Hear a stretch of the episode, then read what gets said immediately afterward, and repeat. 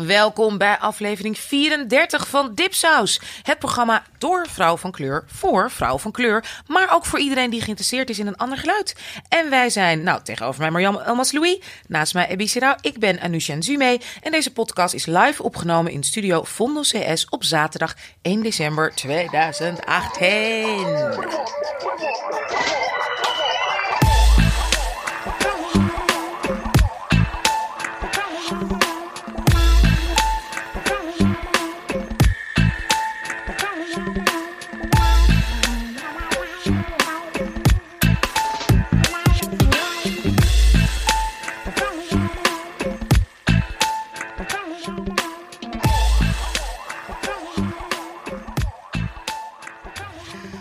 Ik moet meteen doorpraten, jongens. Jullie gaan eh, helemaal van mijn stem genieten. Uh, nou, lieve mensen, vergeet je ook niet te abonneren op dipsaus.org. Daar zie je alle relevante links naar iTunes, naar Spotify, naar Stitcher en naar Soundcloud. En lieve mensen, laat alsjeblieft een recensie achter op iTunes. Is heel belangrijk voor ons. Vergroot onze zichtbaarheid. Graag vijf, als het kan, zes sterren. En last but not least, abonneer je ook op onze hele fijne nieuwsbrief. Die is echt heel fijn, I'm telling you. Die zit vol leuke artikelen met leuke winacties, evenementen links, playlist en al onze eigen geweldige dipsaus, exclusives, essays, recensies en weet je, nog veel meer. Yes! Welkom terug allemaal. Dit is de tweede aflevering van seizoen 4 en weer hebben wij een man in de studio. Hoe kan dit nou? Ik begrijp het ook niet. Maar misschien heeft het te maken met het feit dat hij uh, chocola heeft meegenomen. Dat hij het beloofd had. Klopt, klopt, klopt. Uh, anyways, never fear, want onze volgende gast wordt wel een vrouw. Ja, maar ja. Um, Nina, ja. ja. Voordat we echt luisteraars verliezen van het is toch maar voor ja, vrouwen, door vrouwen. Alle, alle, alle witte mensen. Maar het is toch voor vrouwen. Onze ja, is het ook... Oh, sorry. Ja, shush! Ik moet je nog... Je bent toch een verrassing? Oh ja. I'm loving this already. Onze gast voor vandaag is een, in zijn eigen woorden een verhalenverteller, in welke vorm dan ook rap, gedicht of televisieprogramma. Hij is een creatieve duizendpoot. Hij is autonoom en onafhankelijk. Hij heeft een eigen platenlabel genaamd Nederlands Doop en een productiebedrijf Need Vision. Onlangs heeft hij een dichtbundel gepubliceerd getiteld Laten we het er maar niet over hebben. Hij is Anton Karel Willem Anton Simon Isaac. Welkom in de studio Aquasi. Dankjewel. Dankjewel. Ik mag praten. Yeah. Welkom, welkom. Ja, nu mag je. Hallo. Nu mag je. I feel Wat wilde je net zeggen? Dat weet ik niet meer. Oh. weet ik niet meer. Maar het is fijn om hier te zijn. Dank jullie wel. Ja, yeah, it's you're, you're man. It's, it's like a sanctuary that you're entering. Voel je veilig? Ik voel me veilig en heilig. Oké, okay, oh, heel fijn. fijn. Welkom in de heksenkring. heksenkring. En het duurde bij mij eventjes voordat ik wist dat Aquasi dezelfde persoon was als... Want ik heb geen um, Instagram. Ik heb alleen de Instagram van Dipsaus. Mhm. En toen zag ik altijd Anton Karel. Ja. En het duurde echt tot je boek launch dat ik wist dat jij dezelfde persoon was. Leg dat even uit. Oké, okay, nee, ik... Um, op een blauwe maandag studeer ik... Uh, uh, volgde ik een toerismeopleiding.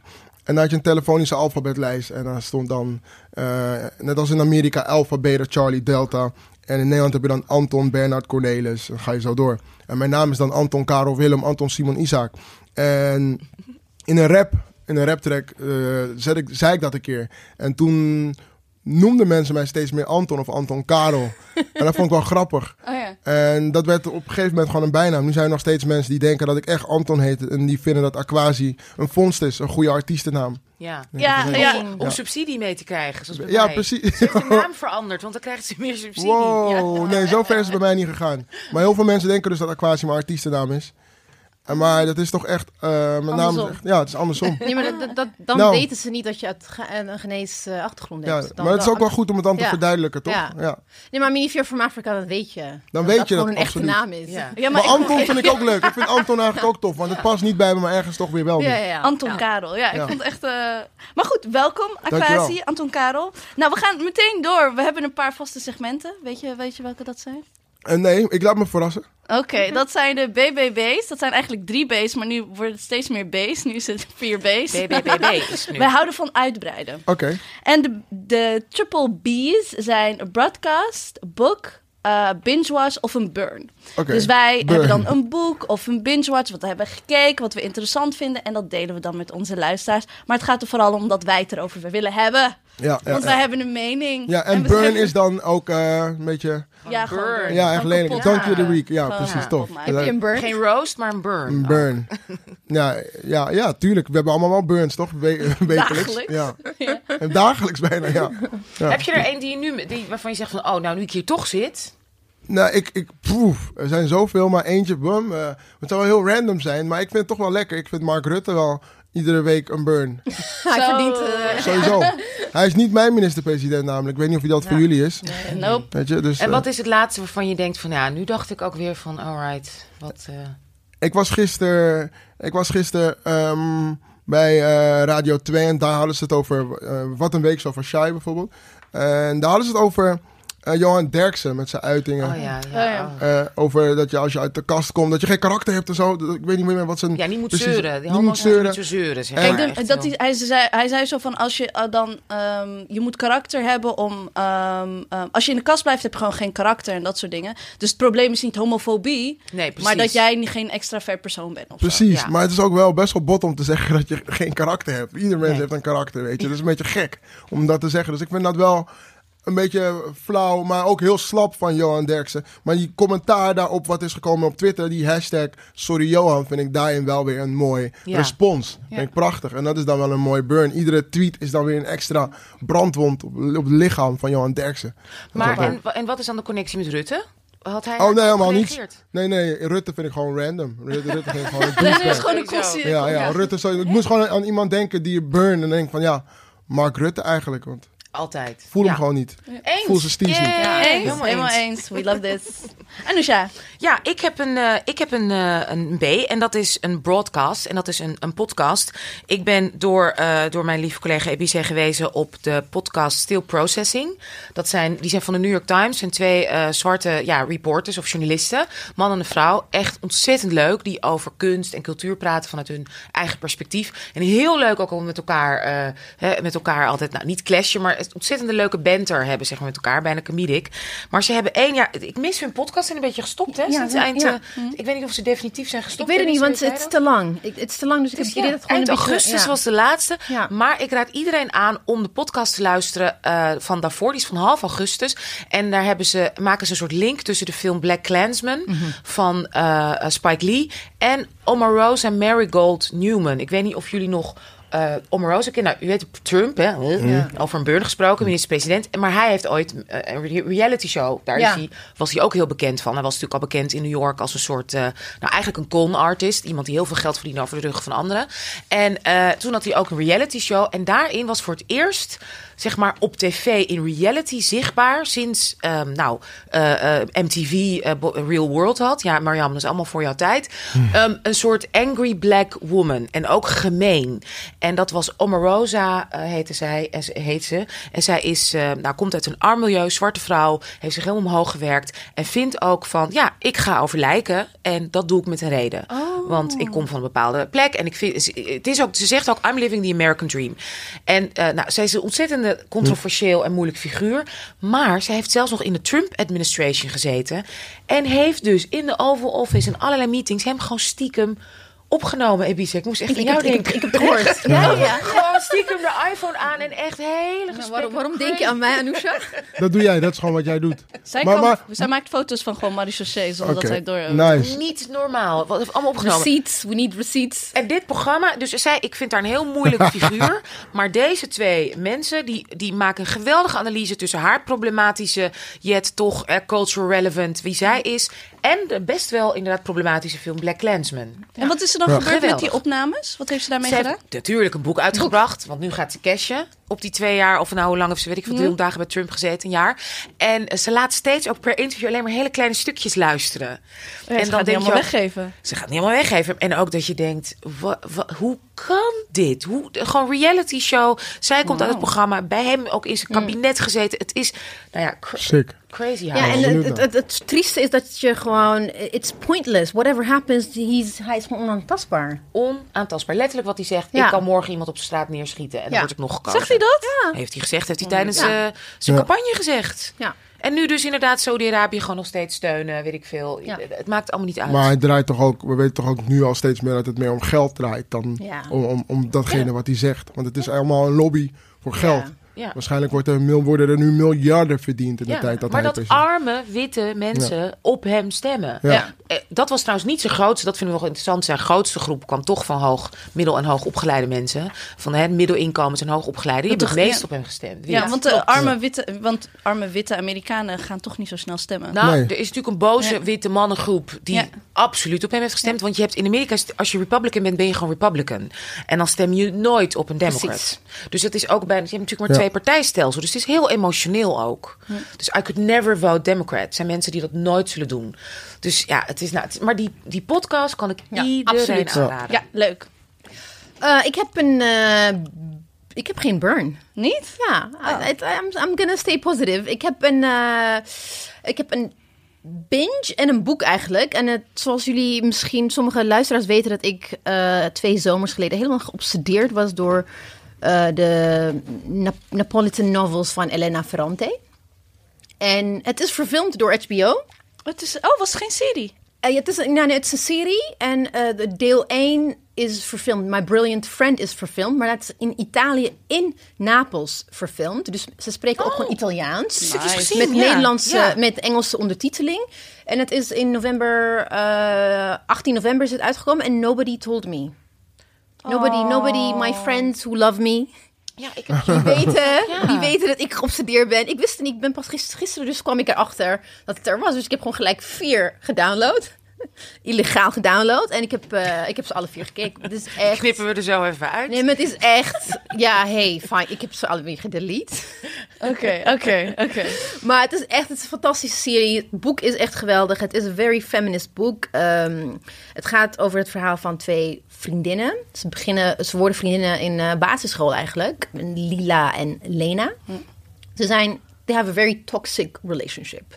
Dus ze zijn gek op elkaar, maar zijn ook elkaars rivalen. Eh, ze zijn jaloers op elkaar. Ze komen uit eh, working class volkswijk in Napels. En ehm, het is, ik, ik ben, als je, het, is ook, het heeft ook te maken met het feit dat Elena gewoon een geweldige schrijfster is. Want als je een, eenmaal begint te lezen, tenminste ik, jij niet, Mariam, dat weet Luister, ik. ik ben drie keer begonnen Ja, en toen met ik audiobooks, niet. ik kwam er niet doorheen. Niet doorheen. Ik kwam er echt niet Nee, maar het is, doorheen. het is, het, ik denk dat je twee, drie hoofdstukken verder, als je eenmaal in het verhaal zit, je kan het niet los. Het is echt een page turner. Het is eigenlijk gewoon een cliff. Bijna elk hoofdstuk is een cliffhanger. Waardoor ik, ik, ik, moet- ik was echt helemaal, en ook nadat ik alle vier boeken gelezen had, boeken die je dan echt maanden later nog steeds gewoon in je bloed zit. En dat je daar alleen, maar obsessief over bent. Ik vond het echt geweldig. Ik ben heel blij dat het er is. Dus ga kijken. Oké. Dus Legally kan, ik- kan, ik dan, ik het boek skippen en dan gewoon gaan kijken? Mag dat? Ja, Ja, dat natuurlijk. lekker. Het is goed gedaan. Ik, ik vond, wat ik tot nu toe gezien heb, vind ik echt eh, fantastisch. Oké, Ja. leuk, leuk. Oké, ik heb een, eh, een korte. Ik had eigenlijk een artikel heel snel, check it out, in The Guardian van Fatima Boutou. Ehm, dat gaat over ehm, When Chimamanda met Hillary. Ik heb getypt Hillary, vind ik wel heel grappig, maar het is gewoon een typo. En A Tale of How uh, Liberals Cozy Up to Power. Ehm, heel veel typo's. Oh. Ja, en het is Ja. een heel, ik, echt een aanrader. Het is, eh, dat is mijn read. eh, ja, niet echt boek, maar ehm, het, het gaat er eigenlijk over hoe schrijvers onder de indruk van, eh, zeg maar, bezwijken onder macht. Hè? Ja. Dat ze toch, ehm, eh, het gaat erom dat bij een soort van peace committee en talking about. Het volgens mij hebben ze één keer zelfs het woord revolutionary of zo ergens ge, ge- ge- genoemd tijdens die hele panel ding. En daar zat dus Hillary Clinton ook bij. En zij werd ehm, geïnterviewd door de Nigeriaanse schrijvers Chimamanda Ngozi Adichie. En, ehm, en de- het stuk is, ja, ik, zou het niet, ik kan het eigenlijk niet beter vertellen dan in het artikel. Het gaat, Ja. erover, het gaat over liberalism, eh, power en hoe je als schrijver toch je, je, je, je scherpe pen eigenlijk um, eh, bezwijkt onder, onder macht. En dat je dus eigenlijk bijna je. Want Chimamanda kennen wij allemaal als een best wel uitgesproken feministische vrouw. Ehm, en dan kan je, je- kan je, dan stelt Fatima Boete, de schrijver, een hele legitieme vraag van. Is, dat, is het dan wel een goed idee als je Hillary Clinton dan interviewt? Dat kan hè, dat mag. Maar ga je ook kritische vragen stellen? Ja. En dat is niet gebeurd. Ja, want eh, wat het Hmm. interessante eraan is dat natuurlijk eh, Hillary Clinton heeft ook niet onlangs iets gezegd over dat Europa im- immigratie uit Afrika moet stopzetten. Dat we daar een immigratieprobleem hebben en daarmee moeten stoppen. Het zijn- They're her kin. They're Chimamanda's kin. Heel veel mensen Ja. uit Sub-Saharan Afrika eh, maken de tr- trek dwars door de Sahara heen om, om eh, voor een betere leven Ja, dus in wat ik, heel Europa. goed, wat ik heel goed aan het stuk vind, is dat ze niet zeggen van ja, Chimamanda mag niet Hillary Nee. Clinton interviewen, want eh ABCD. Ze zegt, ja, maar waar is je, kriti- waar, Ja. waar, waar is Ja. je kritische noot dan? Ja. En dat vind ik, eh, ik vond het een heel... Oh, ik ben eh, heel benieuwd. heel En wat was haar antwoord dan hierop? Ze heeft hier nog niet op Nee, gereageerd. nee, het is een opiniestuk van Fatima. Ja. eh, Want dat interview gaat nog gebeuren of niet? Dat is al geweest. Nee, dat is al geweest. Hm. Dat is al geweest. Hè? Oh, en, oh, maar zij legt dan wel uit hoe dat ging. Of ze, waarom ze geen, Ja, volgens haar ja. geen kritische vraag heeft Ja. gesteld. Oké, oh. nou, Echt een, eh, een we in de nieuwsbrief. Zetten we in De de nieuwsbrief. Ja. Dan kan je het gewoon makkelijk Alright. terugvinden. Nou, dat waren onze boek Binge en Burns. En broadcast. En broadcast. B, B, B, B. Oké, nou, zoals we al een paar keer hebben gezegd, vandaag bij ons de gast een multitalent. Hij is presentator, hij is dichter, hij is rapper, hij is nou verhalenverteller en hij is een fashion icon. Hij is Aquasi. Welkom bij ons bij Dipsaus, welkom in de Heksenkring.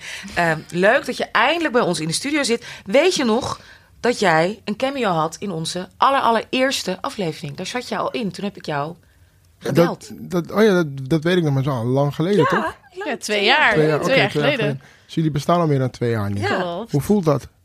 Ja, geweldig. Heerlijk. We're still here. We're still here, going ja. strong. En we gaan nog steeds door. Ja, Ja, we gaan door. Dus nou ja, je bent eigenlijk gewoon, ja, van, eigenlijk was je van het begin af aan. eh, Eerste bij. uur, de eerste minuut. Eerste uur, maar eindelijk bij ons in de gast. En dat vragen we altijd aan onze, eh, aan onze gasten. Heb jij wel eens geluisterd naar Dipsaus? Heb je eens Ehm, tijd gehad? Of- Eigenlijk nog niet. Maar ik ga hierna wel zeker luisteren. Want ik krijg wel wat linkjes door. Ik moet eerlijk zijn. Ik eh, denk dat het belangrijk is. Ik zie je met je open mond aangapen. Met jou heb ik sowieso een appeltje te schelen.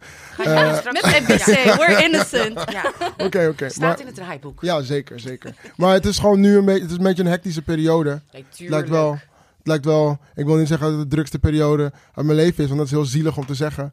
Maar het is wel zo dat ik steeds korter slaap nu. Ook omdat ik ook pas vader ben Vader geworden. bent dus niet Ah, alleen, En- dus niet alleen Nee, een boekbaby, dankjewel. maar ook een babybaby. Ja, ook echt. Hoe Het is dit jaar heel veel gebeurd. Wat wil je vertellen over de baby? Dat het fantastisch is om een dochter. Ik was van, ah, het was fantastisch om een dochter te hebben. Ik wist namelijk niet of ik een jongen of een meisje zou krijgen. Jullie bent alle gewoon Nee, dat, dat boeide helemaal niet. Ik vond het belangrijk om juist te weten dat. Om, om ervoor te zorgen dat mijn vriendin eigenlijk zo gezond mogelijk is tijdens de zwangerschap en ook na de, zwang- na de bevalling. En, mijn, en mijn, mijn kind. En ik was heel blij dat, eh, dat je dan voor, dat je een bevalling meemaakt en dan Ja. Hoort van wat, wat is het? Wat, wat, is het Echt eigenlijk? blij? Super blij. Ik was alleen maar wow aan het zeggen. Wow, wow, wow. En daarna hoor je, het is een meisje. Ik vergeet het nooit meer.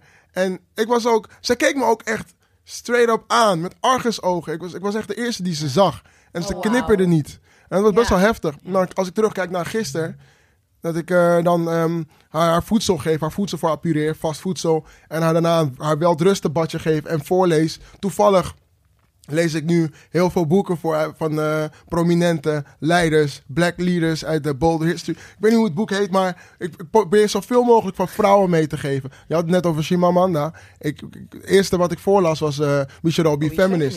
Dat, lees ik nu nog steeds een paar keer voor, want ik leer ervan, maar zij ook.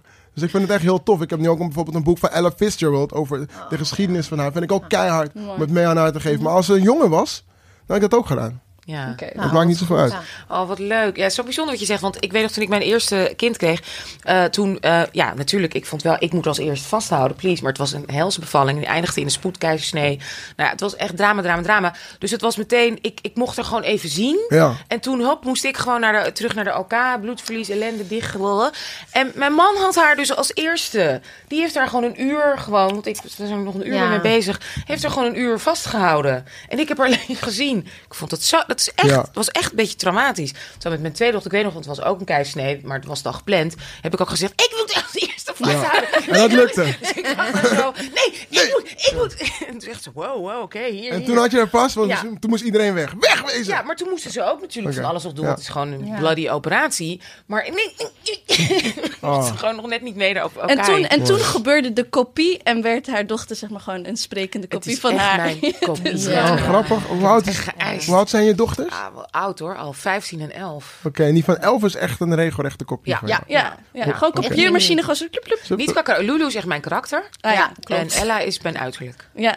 ja, ja. En Ella is die van 11 dus. Ik, ik ga niet over mijn bevalling hebben. Leuk. Oh, Maar bijzonder, dochters is bijzonder. Ik gun iedereen, Ja. ik gun Absoluut. iedereen een dochter. Ja man, ik ben echt blij dat ik een dochter oh, heb. fijn gefeliciteerd. Dankjewel. En ik vind vaak jonge zoons heel leuk als ze een oudere zus hebben. Dus Ja. ik weet niet of, wat, of we nog meer in de Ik heb een oudere zus, die is vier jaar ouder, maar met haar zat ik heel vaak overhoop. Zij is echt een probleem voor mij. Ik kom uit een gezin van vijf kinderen. Ik heb mijn oudste, de oudste is de broer, is tien jaar ouder, maar mijn zus is vier jaar ouder. En met haar was altijd een probleem.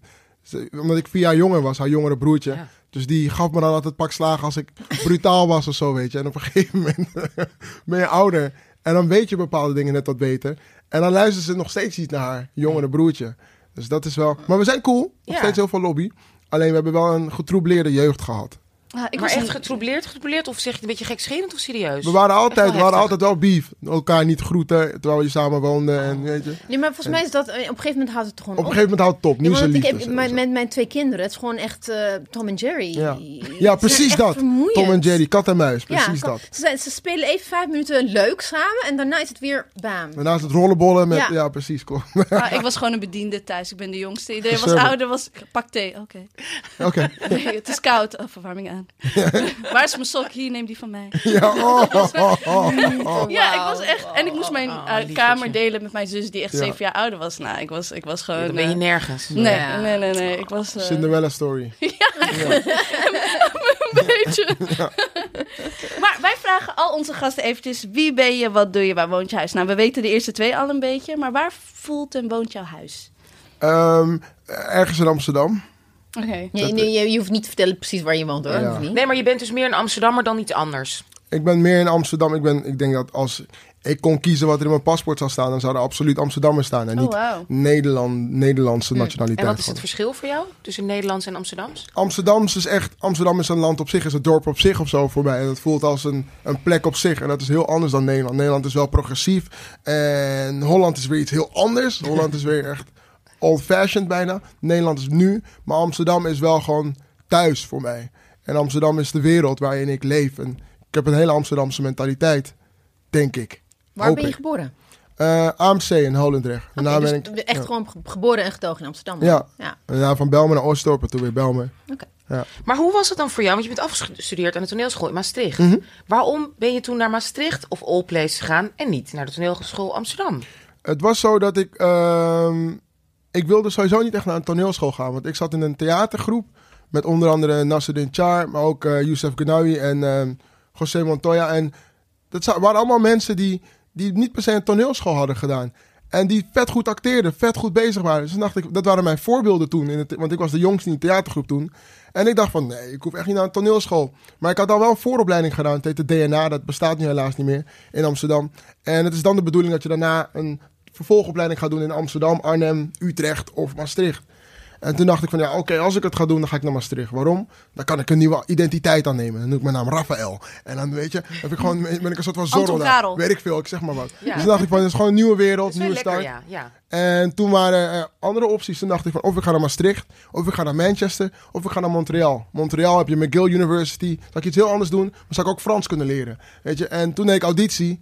En toen werd ik heel snel in Maastricht aangenomen. Toen dacht ik van, oh, dit zou wel interessant zijn. Want ik had mijn HAVO nooit afgemaakt.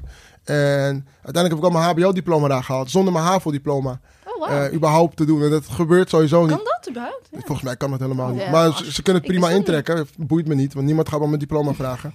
maar het was gewoon meer zo dat het ging om je auditie en om je skills. En ik dacht wel van in het tweede jaar, wat nou als ze gaan vragen om een HAVO-diploma? Dan ben ik wel de lul. Hebben ze nooit gevraagd. Dus kennelijk... Prima. En hoe vond je het? Hoe was het in Maastricht? Dus vanuit als Amsterdammer en je bent Ghanese? Ja. Je hebt allebei je ouders komen ja. oorspronkelijk uit Ghana. En hoe was het dan om vanuit daar met Amsterdam, Zuidoost, Osdorp, wat gewoon heel, ja, en multi, In Maastricht. multi is, in Maastricht te zitten op een toneelschool? Het was heel gek. Ik- Je zit op school van 9 tot 9. En daarna ga je naar huis en er is niets te doen in Maastricht. Helemaal niets te doen. Wat wel een mooie bijkomstigheid was, is dat ik toen... ehm, op het moment dat ik was aangenomen op de toneelacademie... dat ik toen net mijn contract had getekend bij Topnotch met Zwart Licht. Dus ik kende mensen niet, maar mensen kenden mij wel. Hé, hey, dat is die jongen van eh, Zwart Licht en van 101 Bars. En, dus ik was al heel veel aan het optreden.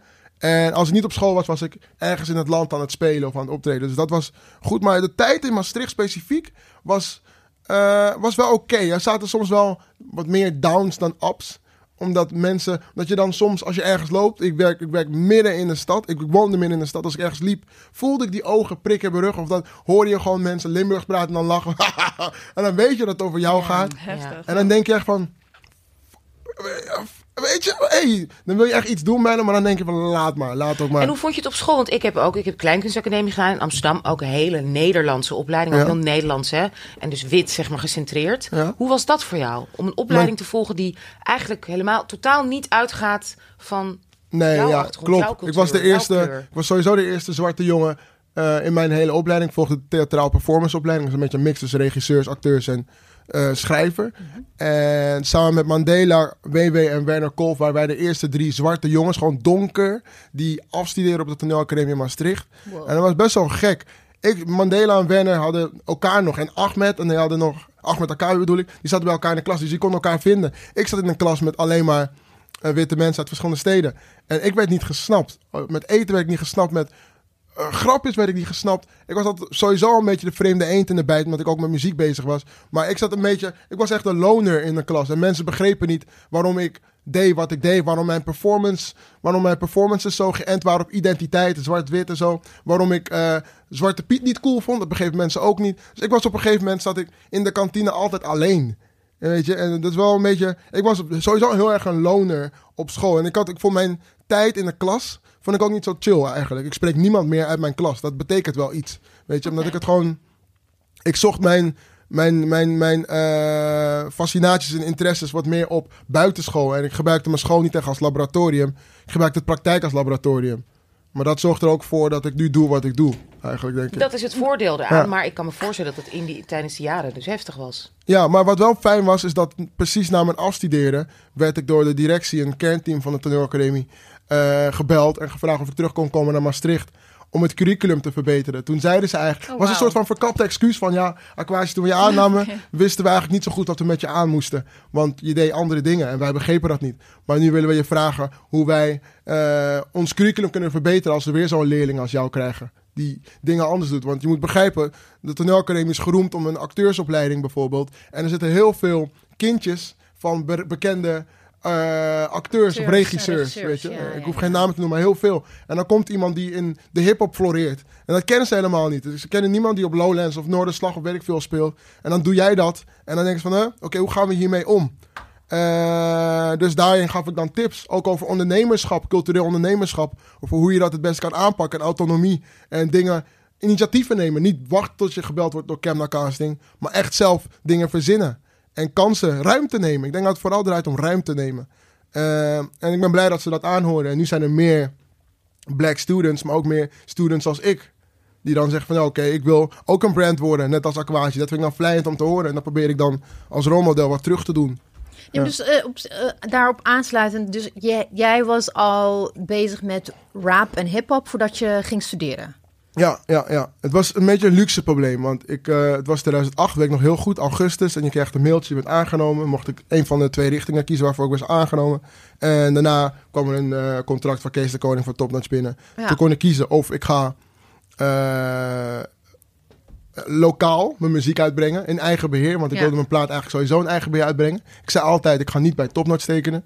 Ja, want En- dat is mijn volgende vraag. Ja. Van, da- daarom heb je ook je eigen label gestart Ja, uiteindelijk. ja, toen wilde ik al in eigen beheer Maar waar- plaat uitbrengen. waarom wilde je het eh, in je eigen beheer? eh? Omdat ik gewoon niet geloofde in, omdat ik dacht dat ik niet helemaal bij Topnotch zou passen. Uiteindelijk ben ik ook op een gegeven moment gestopt met Topnotch. Omdat ik denk dat ik echt iemand ben die dingen zelf moet doen. Maar ik koos er toen voor, omdat ik wel een keer iets wilde afmaken. Ik heb mijn school nooit echt afgemaakt, weet je. En dat vond ik wel belangrijk om te doen. En dat was een van de, dat was een van de drukste periodes uit mijn leven. Ja, maar het is ook best wel, I mean, het is een precair beroep. Wat is precies Hip- een precair beroep? Hip-hop en eh, hip-hop zijn, eh, een hip-hopper zijn of een rapper zijn in Nederland. Het is niet iets waar je, je echt je geld mee kan verdienen als je fulltime. Je kan het ook niet worden, je wordt nee. het of zo. Ja, je wordt, nee, maar ik bedoel meer van, if you want to make it, tenminste, eh, misschien is het nu heel anders, maar in mijn tijd. Vroeger. Het is nog steeds jouw tijd, hè? Ja, nou, I know, I know, I know. Maar ik bedoel, toen, toen ik me in, tenminste ondergedompeld was in de hip-hopwereld in Nederland. Mhm. ehm, heel veel van de ehm, de DJ's en de MC's en, en ook de rappers, die hadden gewoon allemaal bijbaantjes. Want je Ja. kon niet van optredens eh, en platen uitbrengen, kon je niet van leven. Je had geen YouTube. Nee, voor mij was dat wel een groot geluk, inderdaad. Ja. Want er zijn, er zijn nu nog steeds heel veel mensen met wie ik ben afgestudeerd... die nu gewoon in een bar werken of eh callcenter dingen doen. Ik ben blij dat ik vanuit mijn schrijven gewoon nog steeds...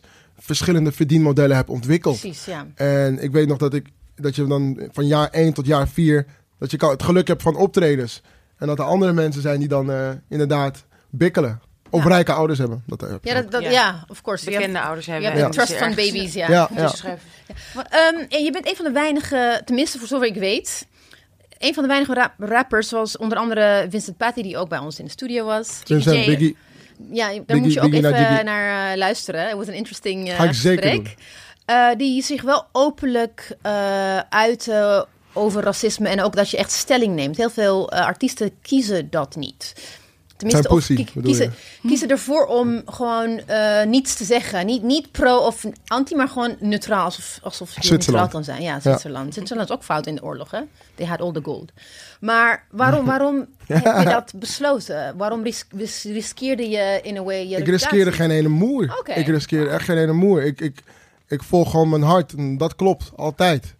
En je zou eens moeten weten dat ik... Bijvoorbeeld, eh, toen ik... We hebben het toch over Maastricht gehad. In 2009 had ik een keer... Mocht ik iets maken, een documentaire maken. Toen maakte ik toen al een documentaire over... eh, over, over ik, maakte een ludiek, ik creëerde een ludiek statement over Zwarte Piet. Het heette, dat is een Engelstalige documentaire. Het heette Piet Black Piet. Heb ik nooit online geplaatst. Ik kan het nu wel delen, dus nu kan je het toch nooit zien. Maar het ging eigenlijk, was de bedoeling om een Zwarte Piet dan eh, iets te anseneren. Dat je een Zwarte Piet op straat vindt. En dan met een spons die Zwarte Piet gaat schrobben. Dat is wat ik, dat is wat ik creëerde. Maar een blackface. Dus Blackface, iemand gewoon echt iemand. blackface, Nee, echt iemand met blackface. En dat, dat schrobde ik dan. En daarnaast interviewde ik verschillende mensen die ook stelling namen in de hele discussie. Van een Edson van Patta tot aan eh, Frank Vellinga, een filmmaker. Maar ook Andrew Mackinga bijvoorbeeld. En Andrew was daarin heel belangrijk voor mij, want die gaf me heel veel advies en tips. Ik wilde het online plaatsen. We hebben het gedaan. En op een gegeven moment werden... Ik heb het gedaan met een aantal hip-hop artiesten die, ik niet- die ik niet bij naam kan noemen. Maar ehm, Waarom niet? dat het, gewoon, het, het doet er niet toe. Het is al geweest. Maar een gedeelte werd gearresteerd.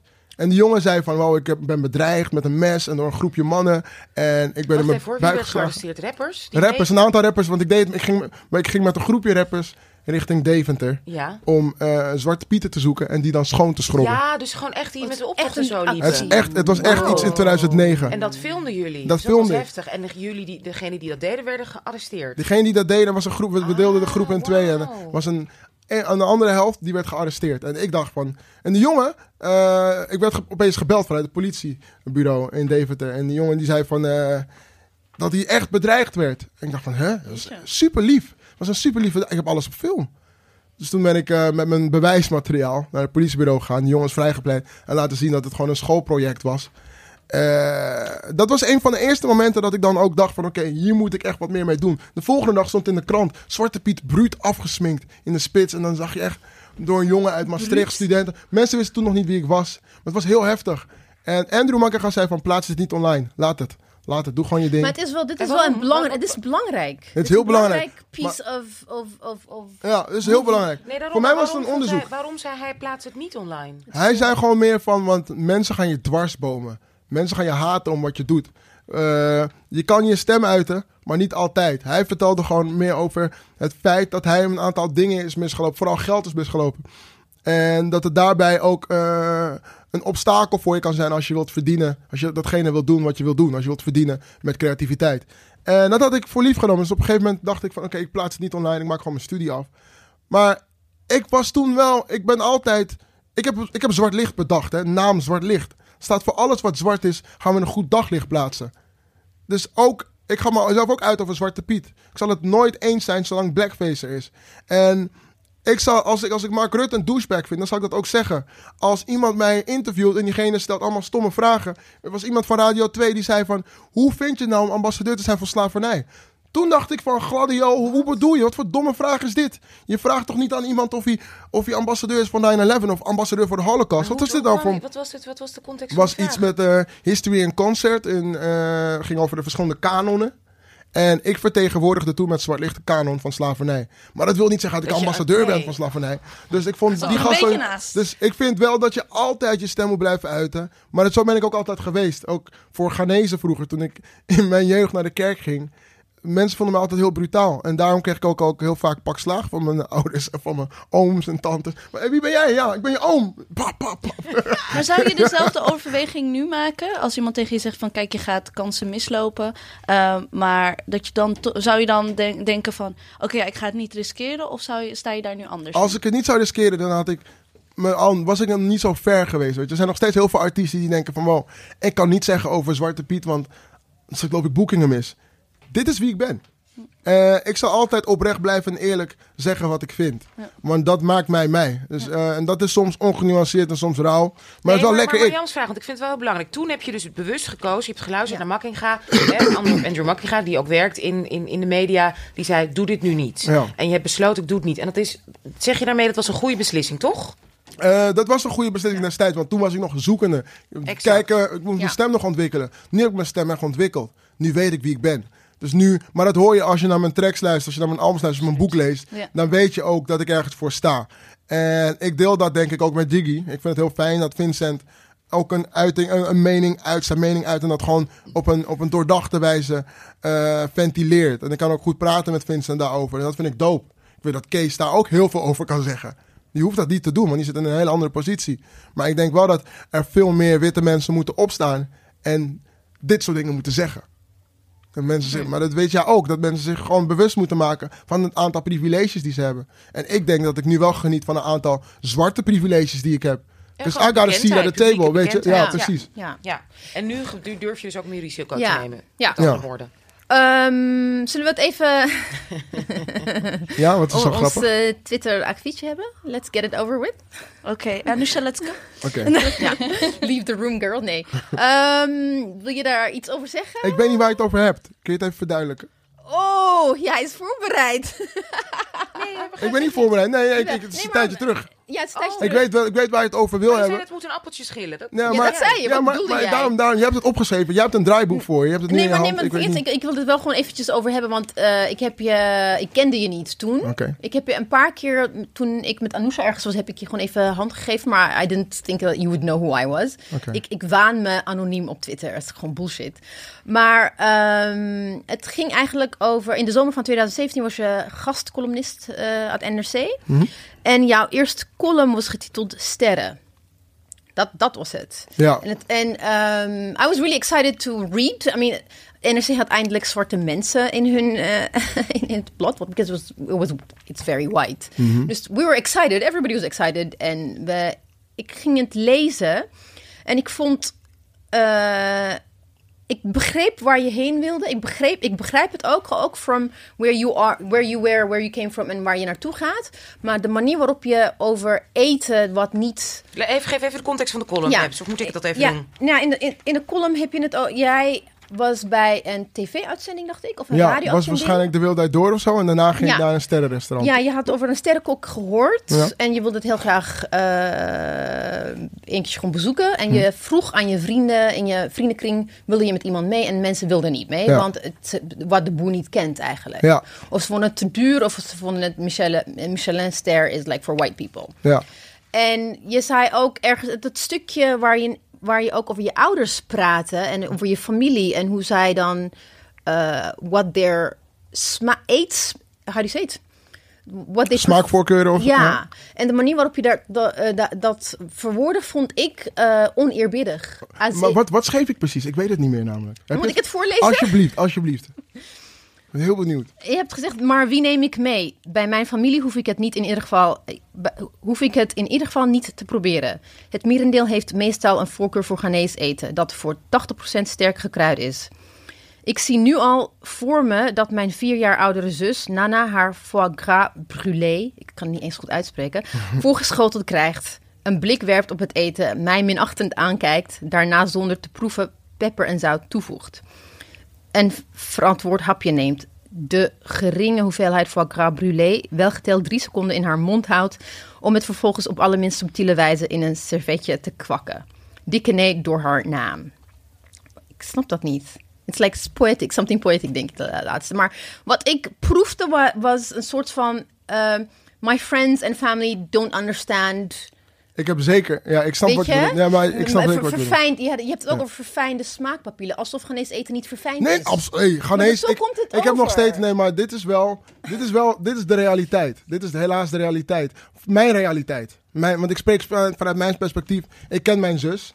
Ik vertelde al net dat ik heel vaak overhoop lig met mijn zus. Dit zou mijn zus echt doen. Zij En is niet... en- good for her. Ja, ja. Nee, maar waarom vind jij dat vervelend? Dus waarom vond je, Omdat- irriteerde jou dat? Nee, dat, Ah, dat het ging, vanuit ah, zijn perspectief in de, in vond jij dat je wat van moest zeggen? het is in NRC. NRC is gewoon een elitair publiek. Mhm. En met eh sterrenrestaurants is, is, is het is gekoppeld aan status. En inderdaad, being sophisticated. Sophistication. En wanneer je zegt dat... When, the money, when you're writing for a bunch of white people die dat het ultieme sophistication vinden... en je hebt het over je vrienden die het niet snappen... of, de, of je zus die het allemaal niet lekker vindt bedoeld of onbedoeld, dat komt heel erg eh oneerbiedig en denigrerend over. Van hun smaken zijn niet zo verfijnd als ik het zou hebben gewild. Dus dat, zegt dat is wat ik. Dus volgens mij is de angst een beetje dat je dan dat, hè, tussen aanhalingstekens witte mensen zegt, ja, zie je wel, Akrasi zegt het ook. Precies. Ja. Dus mijn vooroordelen worden hier Ja. bevestigd. Dus je vindt en eigenlijk dat het meer upliftend zou moeten zijn. Nee, niet per se. Ik, ik, ik, ik, ik heb ook wel eens in een sterrenrestaurant gegeten. Het is lekker, maar.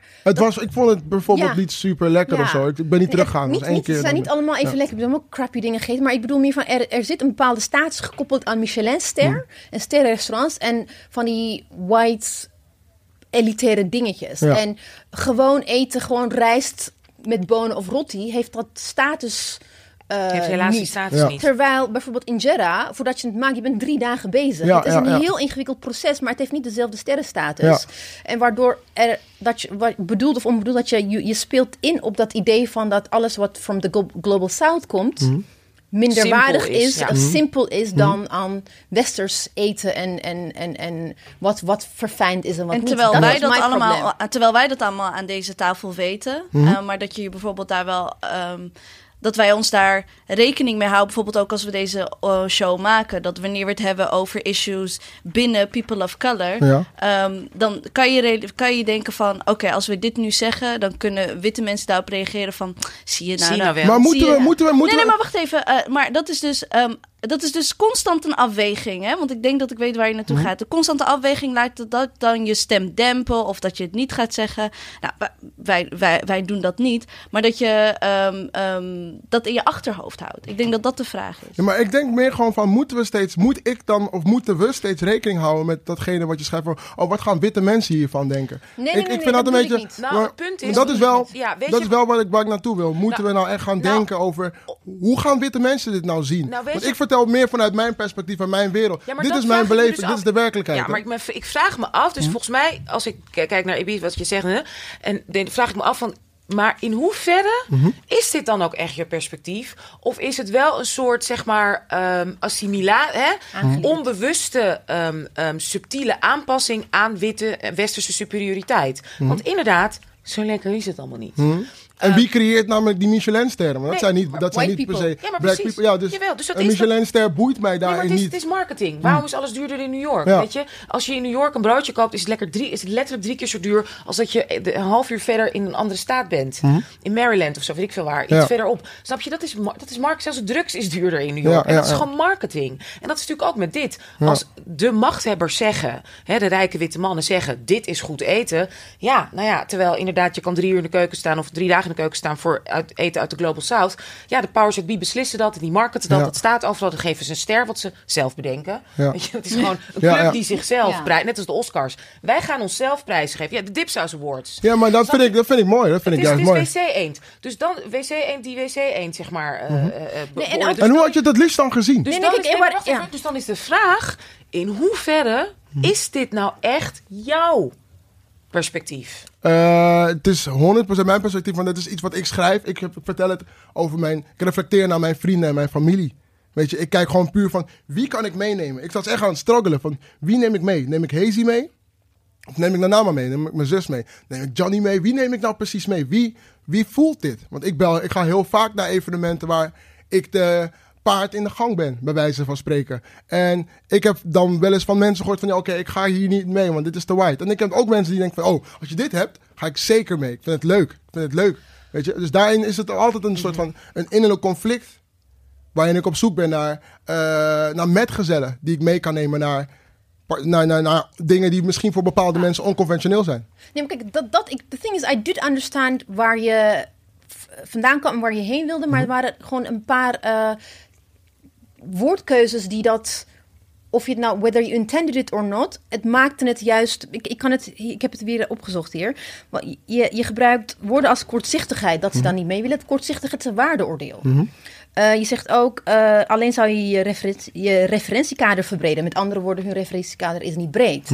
Of je smaakpapillen verfijnen. Hoezo? Wat is, Wat is verfijnd? Wat is verfijnen? Wat is verfijnen? Dan Uit wiens vraag ik me af, wat is verfijnd? Dat that was for me the, the most important thing. Want een van de dingen die ze ook... eh, er is ooit een studie naar gedaan. In, eh, ik, ik, er is ook een artikel die ik in Washington Post... Ik ga het gewoon linken in ons newsletter. Waarin ze laten zien hoe eten uit de Global South gewoon ondergewaardeerd wordt. Maar wanneer een westerse kok daar een draai aan geeft, ineens Ja, zo, ja cultural over, ja, appropriation. Ja. Ik denk dat het overgewaardeerd wordt. Ja. En, en, en bijvoorbeeld Chinese food is ondergewaardeerd, maar eh, Japans eten niet. I mean, Ja, Why? waar ligt dat? Why? het Weet je, dus- Maar hoe had je dit het liefst gezien dan? Hoe had je dit het liefst gelezen dan? ik denk dat je het, eh, ik denk dat je als je die waardeoordeel eruit Mhm. had gehaald, dan had je hetzelfde column gewoon kunnen schrijven zonder die waardeoordeel. Mhm. En dat inderdaad je zus het gewoon niet lekker vindt.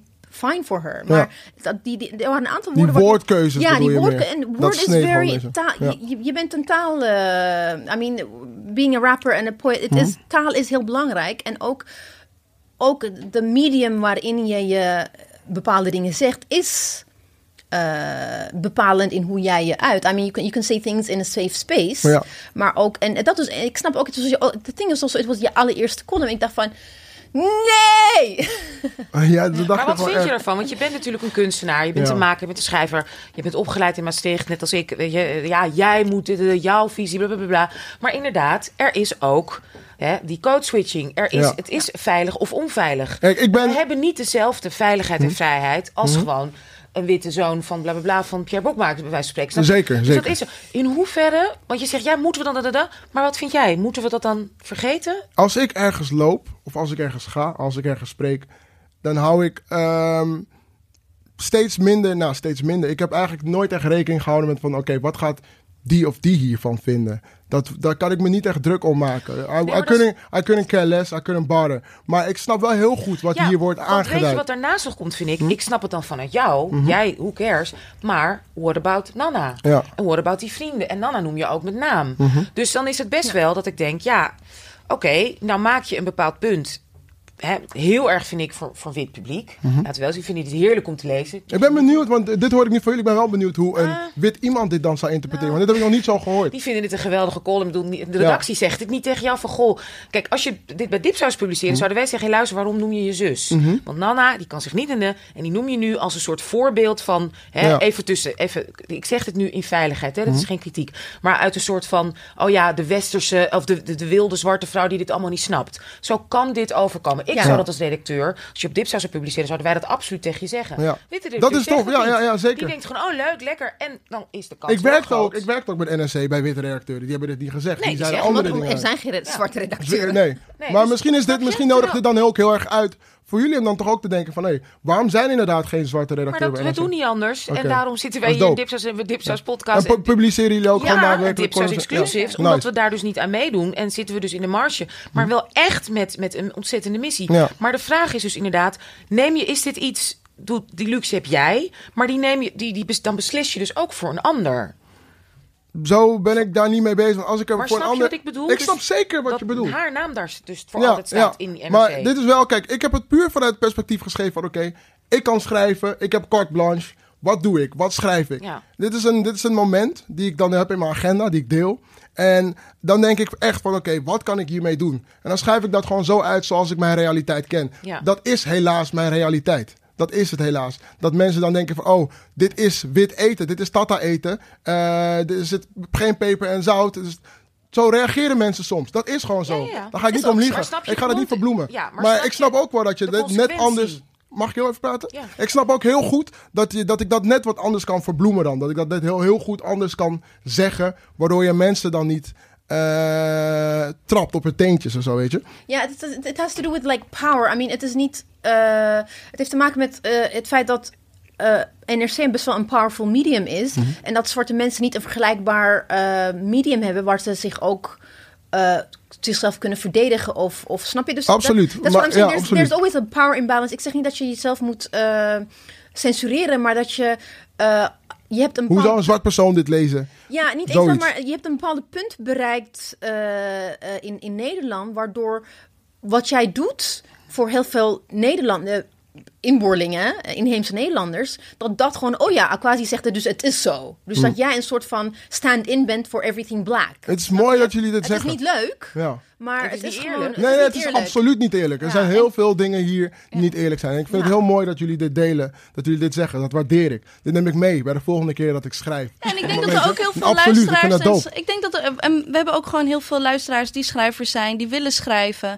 En daarom hebben we dit soort gesprekken ook. Dat we daar elkaar niet, zoals Anousha zegt, niet kritiek. Want dit is gewoon, ik hoop, ja, zoals ik al vroeg van, is dit een veilige omgeving? Dat we deze exchange hebben. Want dat Ja. mis ik Dit bijvoorbeeld missen door. Dit dit, soort, niet. dit soort gesprekken waarin we niet, ehm, ehm, ehm, waarin we groeien eigenlijk. Waarin, ehm, eh, ik, heb, ik heb het stuk niet gelezen, eh, maar ook, ook met de reden omdat ik gewoon al een, een voorgenomen idee heb van NRC, Volkskrant, what is it gonna give me, weet je wel? Maar dat denken toch ook heel veel donkere mensen dan lijkt me. Of mensen die niet per se wit en Nederlands zijn.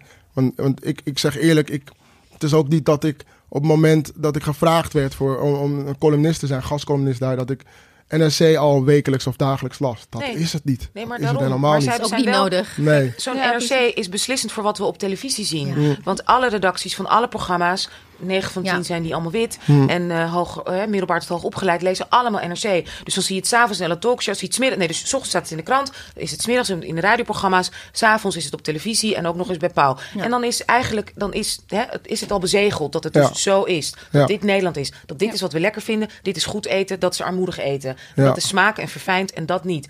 Dat is Ik vind het gek, punt. want aan twee kanten is die eerste column is het een beetje omstreden geworden. Nu, meer nu voor jouw kant, omdat je zegt van oké, een aantal woorden had je net wat meer kunnen nuanceren of weg kunnen laten misschien zelfs. En aan de andere kant zijn er heel veel witte mensen die dachten van, maar wacht even, die hadden het helemaal niet daarover. Ja. Die hadden het over het feit van, hij noemt mensen die kortpittig zijn, die een kortpittig, die een KPK hebben, een kortpittig kapsel. Hij discrimineert ze eigenlijk. Er kwam een brief binnen en dat het brief Ja. van de dag over het feit dat ik een vrouw discrimineerde, over het feit dat ze een kortpittig kapsel had. En dat zorgde ervoor dat het een beetje eh, opblies. Dat is heel anders. Hmm. Misschien hebben dat mensen. Kijk, wij kijken misschien dan net naar dat. Dat zoom je, dat vergroot Ja, je uit. ja. En maar die witte mensen die hebben dat misschien niet eens gelezen. Die gaan dat nu, als ze dit horen, en denken van... Oh, oké, zo had ik het misschien niet eens gezien. Die, die vielen meer over van... Wow, hij heeft het over kortpittige, kortpittige kapsels. Is Misschien is het ook eh, meer zoiets van... Ja, seksistisch kan je prima zeggen. Seksistisch, maar het is wel het verschil dat als je een vrouw met een kort pittig kapsel, heb je 9 van de 10 keer het makkelijker bij een sollicitatie dan een zwarte vrouw. hey, met- yo, met- met- sowieso, sowieso. Ja. Dat is Ja, het punt. sowieso. Dat, Ik wil- is. Ja. Ik wil dit... Nou, het eh, punt is eigenlijk... Wat is het punt van mijn column? Nee, maar het einde.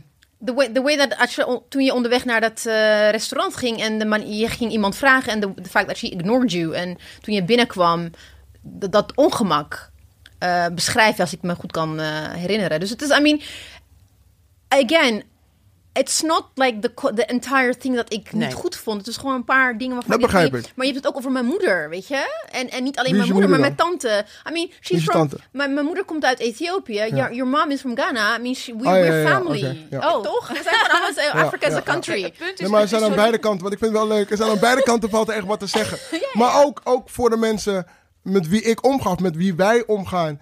Ik vind het belangrijk. Ik vind het echt belangrijk dat je ten alle tijden je, je horizon verbreedt en je referentiekader Ja. verbreedt. Ik probeer, Kijk, het weet je? dat is het zo fijn van dit gesprek is dat, kijk, bij witte redacties wordt, wordt alles Wordt dit niet- hun, hebben het hun niet over? perspectief Nee. tot in een treuren besproken. Komma, zinnetje, zeg je dit zo. Klopt. En wij in, hebben het nauwelijks deze ruimte, deze plek om dit te doen. Ja. Snap je? Daarom doen we dit. En Ik niet begrijp het. Ik sta er helemaal denkt, achter, ja. Hier Oké. zitten drie heksen tegen. drie- Nee, nee, nee, Nee, nee, maar ik vind het wel dood. Nee, nee, nee, nee, nee, nee, nee. You know, positiefs. no. Ik ben hier te gast. Ik ben aan het woord. Ik ben hier nooit. Nooit ben ik hier. Hallo. Nu ben ik het kwijt. Ga maar. Nu ben ik het Ik, kwijt. ik, wil het, ik wil het positief eindigen. Want ik zei Ja, ook maar hij wilde wel nog after- wat zeggen voordat we Ja, eindigen. ook, ook over, over dat eh, column. After I read the column. Ik weet nog in onze Dipsaus eh appgroep. zei ik ook nog van... Hij wordt benaderd door eh, mijn collega-redacteuren gaan hem benaderen voor een boek, zei ik. Oké, dat is niet gebeurd. Ik weet het niet, maar ik dacht misschien, ik, weet, ik wist niet wanneer het gebeurde. Ik zei van, eigenlijk zei ik ook van, als ik slimmer zou ik gewoon nu moeten bellen en zeggen van, hey, let's talk. Maar ik, kind of like, ik, heb, ik heb mijn kansen gewoon verpest door op Twitter. Nee, joh. Ging het ver op Twitter? Was het, ik weet niet. Nee, ik Het had, ik niet had twee, Twitter. nee, ik had er twee of drie eh, dingetjes, dus niet veel. Ja, ik, Je hebt er eh, niet op, niet, ook niet op gereageerd. ik lag er ook niet wakker van. nee, daarom dat ik wist dacht- ik ook. Kom op. Gelukkig. Nee, nee, nee. Maar ik- Anders was je hier leuk. niet. Nee, anders was ik hier. Nee, Precies. anders nog steeds was ik hier. Want ik vind het wel leuk om. Kijk, confrontaties zijn daarin ook heel erg belangrijk, weet je. Ja. Maar vooral ook leerzaam. Ja. En ik denk dat het zeker heel goed is dat jullie je uiten zoals jullie je uiten. Eh Anousha maakt ook een punt in, in, daarin eh, dat de witte redacties meer grammaticaal of qua zinsconstructies of qua eigen, leef, qua eigen beleving dan kijken van oké, wat is hier dan wat is hier dan niet kloppend aan? Maar tegelijkertijd zou er eigenlijk ook meer, misschien, misschien zijn jullie wel een aid voor, voor mensen van een andere eh, identiteit, weet je. Ik denk dat het wel ook belangrijk is dat jullie je daarbij ook die platform krijgen. En dat is ook mooi dat jullie dat hierbij creëren.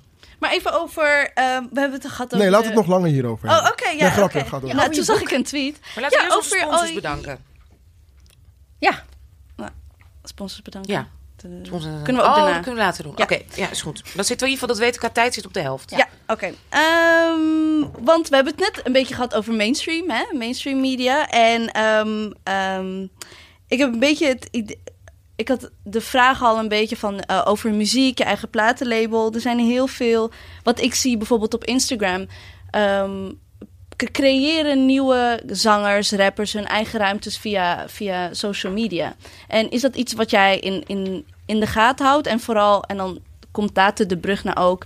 Want wij zijn een podcast met, eh, met vrouwen. Ehm, heel veel vrouwen van kleur die hun ruimte claimen op, op social media. Die daar eh, video's posten en hun zangkunsten laten zien. Sommige worden opgepikt. Maar sommige kan je en en mag je bijna niet omheen. En die dus dan die exposure via social media. En dan pas bij een platenlabel krijgen. Terwijl andere zangers daar heel veel langer over zouden moeten doen. Dus ook iets wat, waar we het al eh, over hebben gehad met Vincent Patty. En mijn vraag is als platenlabelbaas, zeg je dat zo? Eh, ja. Platenbaas. Ja, platenbaas. Platenbaas. Hoe, hoe, hoe zie jij die, hoe zie jij die ontwikkeling? En wat, wat voor een, ehm, en gebruik jij dat ook om nieuwe talenten te spotten? Eh, het gebeurt regelmatig dat mensen dan via direct message, DM, eh, tracks of clips sturen. En daar kan ik soms op ingaan als ik het tof vind of niet.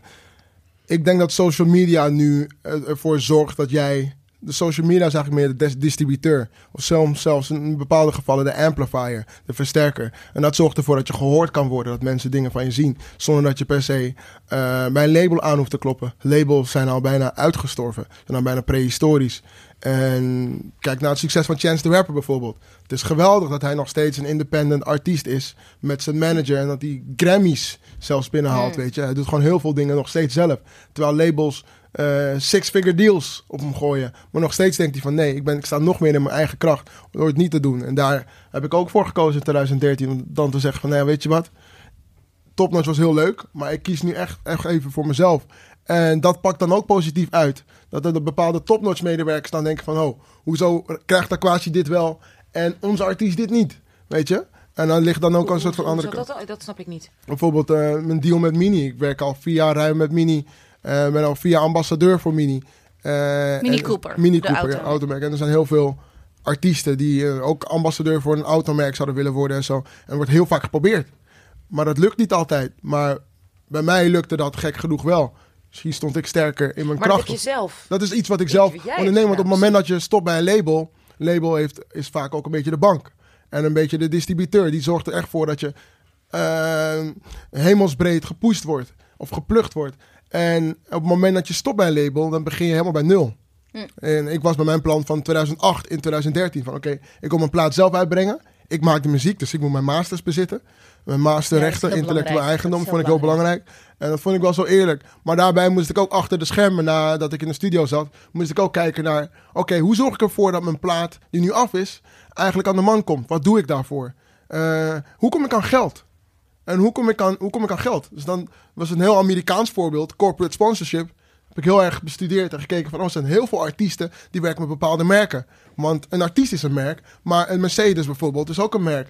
En dan ga je kijken hoe je kan samenwerken met bepaalde merken. En toen kwamen er kwam Mini, kwam eh, Palladium, dingen met Puma gedaan, dingen met Hennessy gedaan. En heel veel. En toen merkte ik dat ik gewoon best wel aanleg had in het verkopen. Want je ging dan zelf ook, hè, zocht je contact met de merken. Ja, zelf eh, bellen, pitchen, goede gesprekken voeren. Geweldig. Maar ook echt pitchen, ook echt presenteren.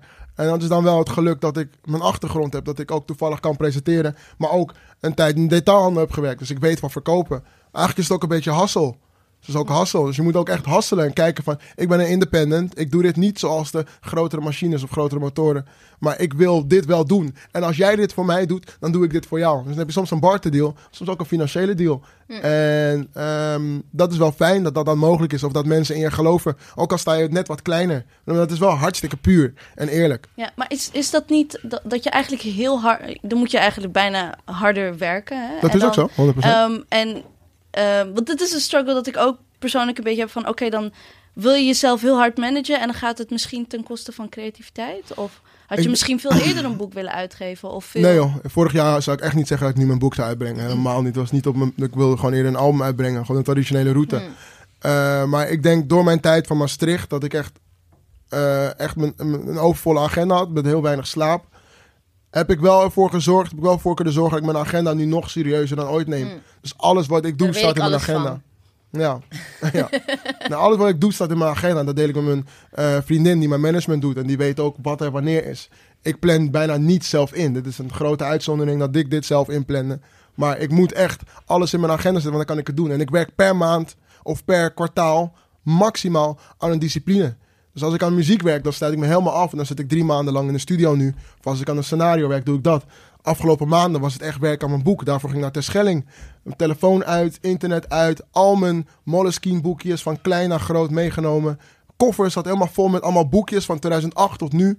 En dat schrijf je dan allemaal uit. Kijk je van, oké, wat kan ik allemaal doen? Wat kan ik allemaal meenemen? En dat is echt eh, diep werken. Dat was een boek van ehm, een man, ik weet niet hoe die heet. Cal Newport, Cal Newport. Diep werk. En dat vond ik super interessant. Dat heeft mijn leven eigenlijk nu ook een beetje beïnvloed. Hij heeft het over diep werk en oppervlakkig werk. Er zijn verschillende mensen die oppervlakkig werk uitvoeren. Er zijn verschillende mensen die diep werk uitvoeren. Oppervlakkig werk is eigenlijk dit. Eh, net zoveel werk doen om je baas tevreden te houden. En, diep werk, en dat is net zoveel werk om je baas tevreden te houden. In mijn geval zou dat zijn je agenda beheren, eh, facturen versturen, mailtjes beantwoorden, mailtjes opstellen. En dat is het. Als je dat doet, zit je in een dagelijkse sleur en dan kom je niet verder. Diep werk is weer een ondernemingsplan creëren. Een album maken, een film maken, een boek maken. Weet je, jezelf promotie geven. Diep werk is eigenlijk kort gezegd giving yourself a raise. En dat vind ik dope. En daar werk ik steeds meer naartoe. Gewoon dat ik alleen maar diep werk. Bill Gates doet dat bijvoorbeeld ook. Die heeft gewoon een huisje ergens. Die luxe heb ik helaas niet. Maar die heeft een huisje ergens aan het meer. En die gaat dan soms weg om dan te werken. Diep te werken. En dan weer terug. Terug naar je dagelijkse sleur. En ik merk dat dat mij ook bevalt. Daarom ga ik bijvoorbeeld morgen naar Ghana. En daar oh, weer. wauw. Ja. Wat ga je daar Ne- doen? neem je shea shea butter mee, ja, weer Shea Butter? please. Ik ga mijn best doen. En wat ga je doen in Ghana? Ehm, ik ben eh, voor het eerst in mijn leven nu ambassadeur voor een goede doelenorganisatie. Ze heet de 100 Weeks. En we weten allemaal wel dat er geld naar Ghana, naar Afrika gaat, überhaupt. Maar in dit geval naar Ghana. eh, via overheden. Maar nu is er een idee ontstaan vanuit 100 Weeks. Dat je geld direct geeft aan gezinnen. En niet per se aan het hoofd van het gezin, wat normaliter een man is. Maar je gaat vrouwen. En vrouwen krijgen dan 8 euro iedere maandag. En 100 weken lang. En vaak hebben ze na 30 weken al een financiële buffer kunnen opbouwen. Waardoor ze eh, kunnen ondernemen. Dan beginnen ze een, eh, schoenenwinkel of een, Ja. eh, een fruitkraam of wat dan ook. En dan zijn ze eigenlijk best wel stabiel aan het worden na 30 weken. Na 50 weken hebben ze die 8 euro iedere maandag niet nodig. Dus dan sparen ze dat op. Na 100 weken gaan ze goed. En dan zie je echt dat er structureel ontwikkeld is. Weet je? En dat is iets waar ik aan bij ga dragen. Het is heel simpel. Je hebt een ding, het heet mobile money in Ghana. Het is ook in andere Ja. landen in Afrika. Ja. Ja, ja. Was ja, ja. They, Ethiopië, they skipped landline. Ja. Ze gingen meteen naar een mobile is veel verder dan Nederland. En dat is echt Ja. heel dope. Dat hebben we hier niet eens. Weet Nee, je? klopt. We hebben internetbankier. Ja. Dat loopt gewoon achter. Ja. Dus. Afrika zijn loopt, hier kortzichtig. gedeeltes van Afrika lopen gewoon echt voor Ja. op, op, op, op het westen hier. En dat is super mooi. Ja. Oh, En daar ga ik, eh, een mooi interessant. Ik wil het eventjes toch over je... Laten we het maar even over je boek hebben. Oké, Eh, hoeveel drukken nu? Twee, drie, vier? drie. Drie, hè? Mij gaan we onderweg naar nu. Ja, het is echt geweldig, hè? Dankjewel. Echt fantastisch. Ehm, ehm, how was it inderdaad, we hebben het eventjes over gehad. Eh, hoe, hoe is het om door een wit redacteur begeleid te worden? Ehm, my blackness eh, was heel erg aanwezig tijdens het proces. Omdat ik me natuurlijk bewust ben dat Ambo Antos spierwit is. Eh, ik loop daar, ik kom daar graag, het is gezellig, maar het is nog steeds wit. Dus eh, ik was hier wel extra scherp. En ehm, ik vond het wel belangrijk dat mijn blackness er wel nog genoeg in zat. Hm. Voldoende mate, helemaal. En nooit dat ik opeens light skin eruit zou komen. Nee, ik moet nog steeds gewoon volledig melan, mijn melanin volledig moet je in elke bladzijde gewoon nog kunnen voelen. Dat Maar- is ook te voelen. Ja, ehm, dus daarin was ik wel extra strikt. En de mensen om mij heen ook. Mijn vriendin daarbij bijvoorbeeld ook. Die was het eerste die al mijn stukken ook vaak las. En met haar selecteerde, zij selecteerde ook mee zelfs. Dus die houdt mij daarin ook wel gegrond. Bijvoorbeeld, die heeft het, die, haar heb ik die NRC-column niet laten lezen. Misschien had ze ook wel zo gereageerd. Ik ben benieuwd. Laat het ons eens weten. Ja, Ja, ik stuur wel een brief. Kunnen we nee, voor, ja, of een brief of weer een voiceberichtje in de uitzending. Ja, ik laat dat dit Ja. sowieso Een reactie op. Ja. Ja, je mag gewoon reageren. Moest je veel uitleggen Aan wie? aan, aan de redacteuren? De dingen die je schreef, dat je echt denkt van... Ja, dat het gewoon mijn redacteuren zijn, re- redacteuren zijn eh, zouden bij, bij wijze van spreken mijn ouders kunnen zijn. Zo, zo, eh, zo groot is het leeftijdsverschil. Ja. En er zijn zeker eh, redacteuren die zeggen van, wow, Aquasi, ik wist het allemaal niet. Ik heb dit van je, ik, ik heb je Ja, echt nieuw, je goed. hebt me nieuwe dingen geleerd. Dus ik heb heel veel mensen nieuwe dingen geleerd, vooral. Ik denk dat dat het is. En de ogen geopend. Ik denk dat dat het vooral is. Maar zij zat ook te kijken van, oké, vooral van, oh, zou je dit niet net wat anders moeten vertellen? Ehm, want je begint met de ik-vorm en je eindigt met een hij. Dat soort dingen, daar werd dan wel op gelet. Ja, natuurlijk, maar ja, als ja, het gaat ja. om inhoud, daar Ja. heb ik wel allemaal zelf voor gekozen. Ja, Ja. oh good. Mooi. Hey, ik heb zelf ontzettend hekel aan die vraag. Dus leuk om aan iemand anders te kunnen stellen. Nee, zullen we Wanneer- deze vraag maar skippen? Ah, ah, nee, ah, ja, ja. Ik heb hier de microfoon. Wanneer komt je tweede boek? Eh, mijn tweede boek. Ja, wanneer komt jouw tweede boek? Ja, nee, nee, Dat is wel echt zo killing. Is hij net uit. Leuk. En wat zijn je plannen nu? ja. Echt. ja, mijn tweede boek. eh, we werken nu aan mijn tweede boek. En het moet een vertaling worden van laten we het er maar niet over hebben. Dus we moeten een titel daarvoor verzinnen. naar het En- Engels? En daarna, ja, naar het Engels. Heb je al een... eh. Nee, hebben jullie een idee? Als je een idee we hebt, stuur maar talk in. later. Ja, we We have to moeten talk echt later. even later eh, gaan Ja, praten. vind je dat de Ik heb- titel? Ik heb... Nee, maar ik bedoel meer... Ik heb, Oh. ik heb connecties. Ah ja, ja, ja. Connecties. Nee, ehm, daar zijn we nu mee. Daar, zijn we, Ja. daar, daar wil ik heel graag. Ja. Ehm, hm, ik, ik nam bijvoorbeeld een paar boeken mee toen ik twee weken terug in Amerika was. Mm. En ik vond het jammer dat ik het niet aan mijn familie in Boston of Dallas kon Ja. geven. Maar vooral aan Nederlanders in Amerika die toch weer terug gaan naar Amerika. En ja, zo, van, nee, ik vind het eigenlijk belangrijk. Want volgens mij zijn er genoeg dingen in die wel Mm. zouden gelden in Amerika. Alleen moet je het goed kunnen vertalen door iemand die weet heeft van de African American culture. En ik ken daar wel een paar mensen in. Maar tegelijkertijd vind ik het ook goed dat er een Nederlander bij zit Ja, die meedenkt. Want er Ja. zitten heel veel Nederlandse Ik denk dat het juist ook heel fijn is dat ehm, ehm, eh, die herkenbaarheid van. eh, dat je kan zo lang mogelijk boeken lezen, dingen luisteren of kijken wat gaat over Blackness in America of de UK. Maar dat mist. eh, en dan in de, grote, in de grote lijnen van het verhaal begrijp je wel van dat het gaat over racisme en dat Mm. soort dingen. Ja. Maar dan mis je zo erg de context. Ehm, van hier, als, al is het maar alleen maar ik liep langs de gracht en toen gebeurde dat. Ja. Dan kan je zoveel meer identificeren dan Klopt. Oakland.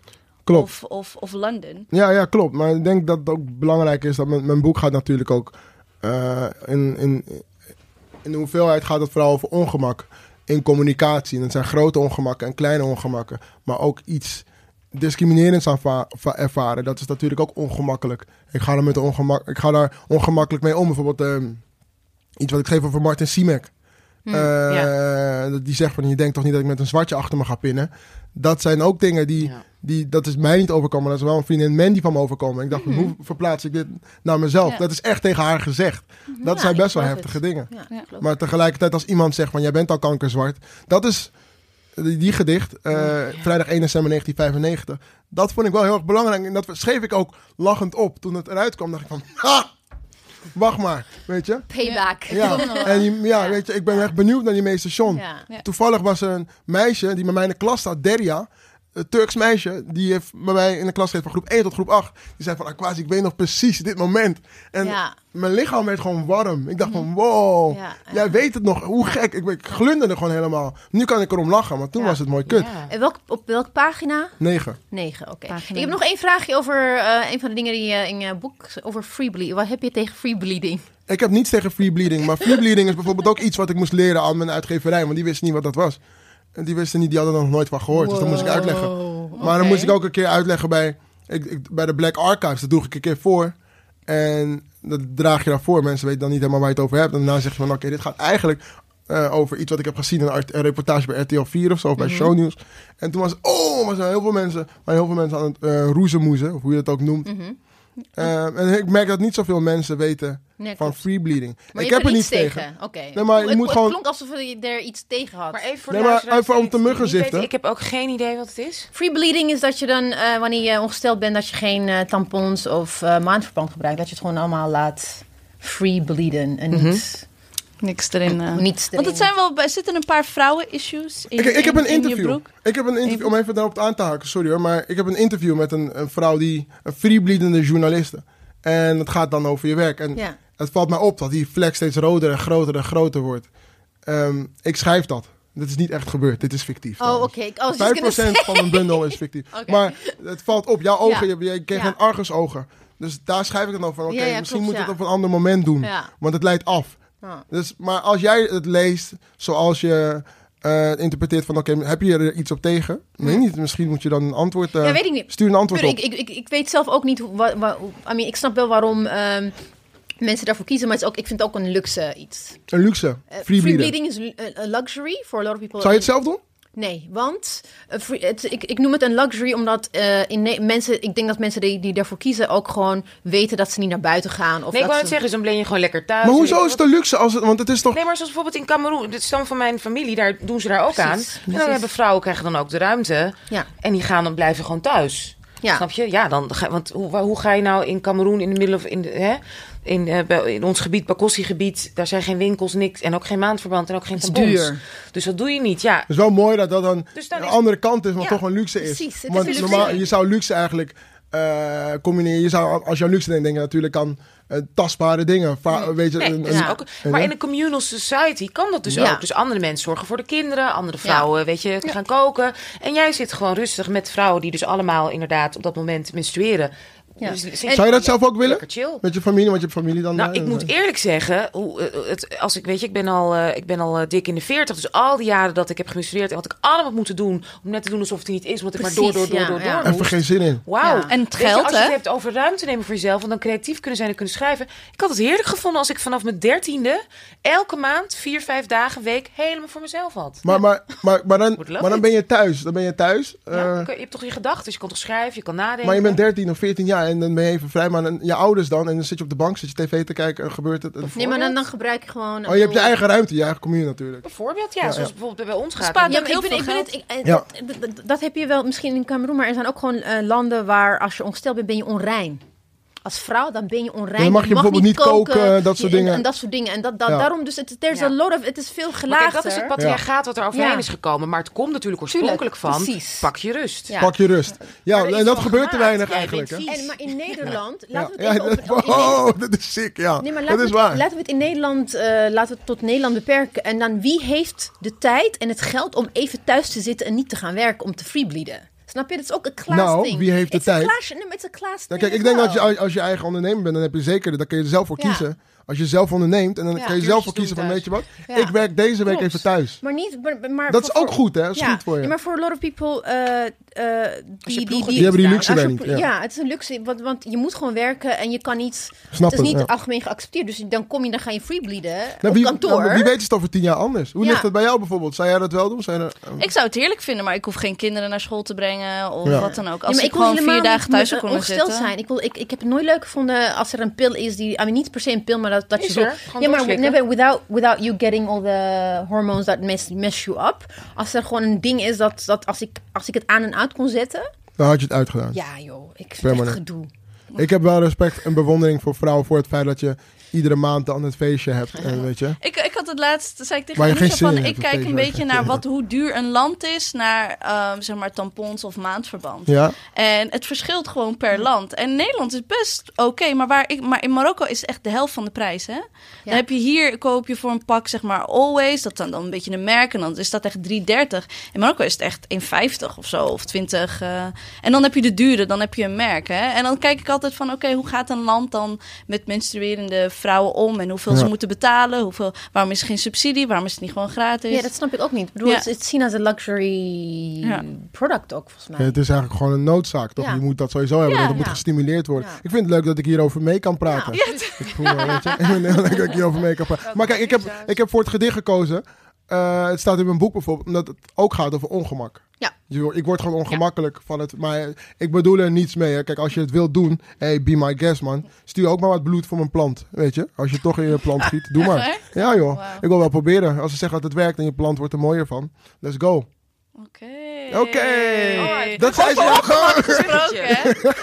Ehm, wij gaan richting, gaan we, zullen we richting DDD's gaan? Yes, Lieve alright. De DDD's, we houden van Wacht, ja, BBB's. sorry, we gaan naar de DDD's, maar voor we naar de DDD's Ja. gaan... Sorry, we, sorry, we need sorry. advice. Nog wel eventjes, inderdaad. Want je, Oh. weet, je hebt heel goed verteld over hè, je brand opbouwen. Je bent ook een ondernemer. Mhm. Je komt ook inderdaad uit de retail. Je hebt jezelf, hè, eh, ook met sponsoring. En het heeft allemaal je merk versterkt. En jouw Anton Karel brand. Ten eerste, wat, what's next voor de Anton Karel brand? Ik werk, uh, what's next voor een aantal... eh, nou, ik werk aan een nieuwe plaat. Ehm, begin dit jaar dacht ik dat mijn plaat dit jaar uit zou komen. En door mijn boek hebben we het nu verplaatst naar volgend jaar. Volgend jaar komt, de eerste aankondiging dat er een nieuw album aankomt. Een nieuw soloalbum. Volgend jaar bestaat Zwart Licht toevallig 10 jaar. Ik bedoel, bestaat de eerste plaat van Zwart Licht 10 jaar. Bliksemschicht, dat heeft heel veel voor ons gedaan. En heel veel voor de Nederlandse scene. Dus daarin zit ik ook wel te kijken van... Misschien moeten we daar wat mee doen. Er komt een nieuw boek. Naast het feit dat er een... eh, Een vertaling. een vertaling komt en een luisterboek.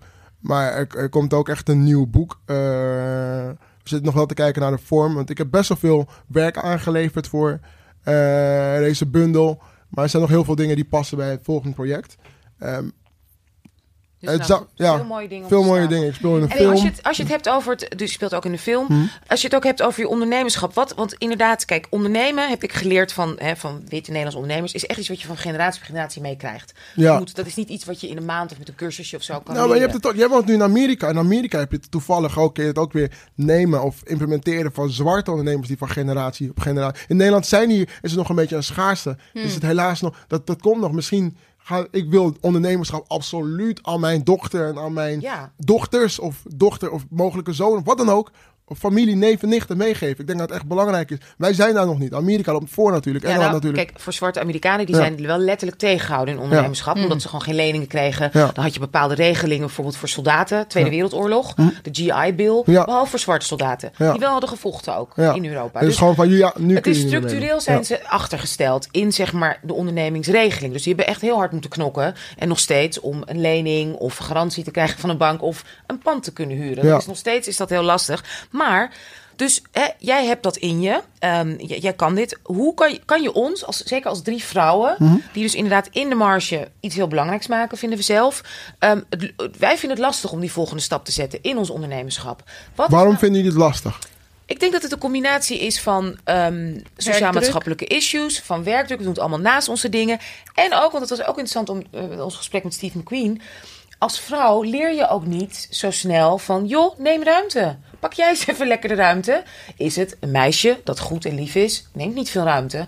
Die vraagt en die geeft anderen de ruimte. En die is aardig en die is netjes. Het is geen Kenau, terwijl Kenau een held was. Snap je? Dus die, dat, dat seksisme zit ook heel erg in Dat zit ontzettend en in, ja, Dan klopt. ben je een bitch, weet je Ja, wel. En een ja. man is recht door zee en die zegt waar het op staat. Ja. Dus jij bent nu vader van een dochter. Nou, hier zitten drie, drie meiden ook, drie vrouwen, die daar best mee struggelen. Wat, Ja. wat kunnen wij van je, wat is voor jou als je zegt van oké, weet je, ga naar dit of, of le- dit is belangrijk. Dat, eh, ik wil je niet. eh, Nou, kijk, geen, een quote uit de kinderboeken zijn geen kinderen, die zijn gewoon volwassen vrouwen met idealen, met dingen waar jullie geloven. Belangrijk is gewoon een doel zonder een plan is een wens. Maak die doelen voor jullie zelf. Creëer die doelen en creëer daarna de plannen. Zo werk ik, heel kinderachtig, maar zo werk ik. Want anders ga ik gewoon, anders blijf ik wensen, kan ik mijn handen wel in elkaar slaan, maar anders gebeurt er niets. Dus ik heb per jaar gewoon een aantal doelen. Ik heb een notitie hier in het begin van het jaar dacht ik van oké, dit is het jaar van geboortes. Ehm, februari was geboorte van mijn album met zwart licht. April geboorte van mijn dochter. Ik had de geboorte van mijn boek. Maar ook de geboorte van een dertiger. Dus een hele andere leefwijze, weet je. En dat zijn ook, daarbij horen er ook allemaal verschillende plannen. Ik denk dat het heel erg belangrijk is dat jullie bepaalde plannen uitvoeren. Maar ook geloven in datgene wat je doet. En Maar neem... ook dus gewoon echt uitwerken. Het is echt uitwerken. Het is misschien, want juist hoe je nu zo'n draaiboek voor je hebt, lijkt me ook goed om te kijken van wat willen jullie? Wat willen jullie van elkaar? Wat is jullie, wat is jullie pact die jullie met elkaar hebben gesloten? Maar wat wil je individueel? Ik geloof erin dat je ieder jaar verder moet zijn. Ik ben heel streng en heel strikt op mezelf. Daarom geloof ik ook heel erg in het diep werken. Ik geloof daar echt in. Dus trek je soms terug om daarna nog wat meer stappen vooruit te nemen. En ehm, ik denk ook juist omdat je als vrouw, een niet-Nederlandse vrouw, hier bent of hier woont, in het Westen bent, loop je zo, sta je sowieso al achter. Dus daarom, dan ben je maar tussen aanhalingstekens die bitch. Ga voor wat jou. Ga Dus voor maar wat, voor lief ja, nemen. Ja, nee, maar ga voor, neem het dan maar voor lief. Als je dan toch die bitch bent, ga dan extra hard. Ga dan echt extra hard. Ik doe fucking hard mijn best. Ik neem mezelf niet altijd te serieus. Maar ik ben vaak wel serieus in de dingen die ik wil doen. En de dingen die ik, die ambieer. En ehm, daar ga ik ook gewoon voor. We gaan dus volgend jaar in Mini Coopers rijden. Nou, dat zeg ik niet. want- Nee, maar ik, heb, ik heb geen rijbewijs, maar goed, nou, kidding. Nee, maar ik vind dit een hele belangrijke. Ja. Want inderdaad, kijk, ik denk dat een soort structureel verschil is in hoe hè, klassiek mannen worden opgevoed Ja. en klassiek vrouwen. Ik wil natuurlijk niet alles over een kam scheren.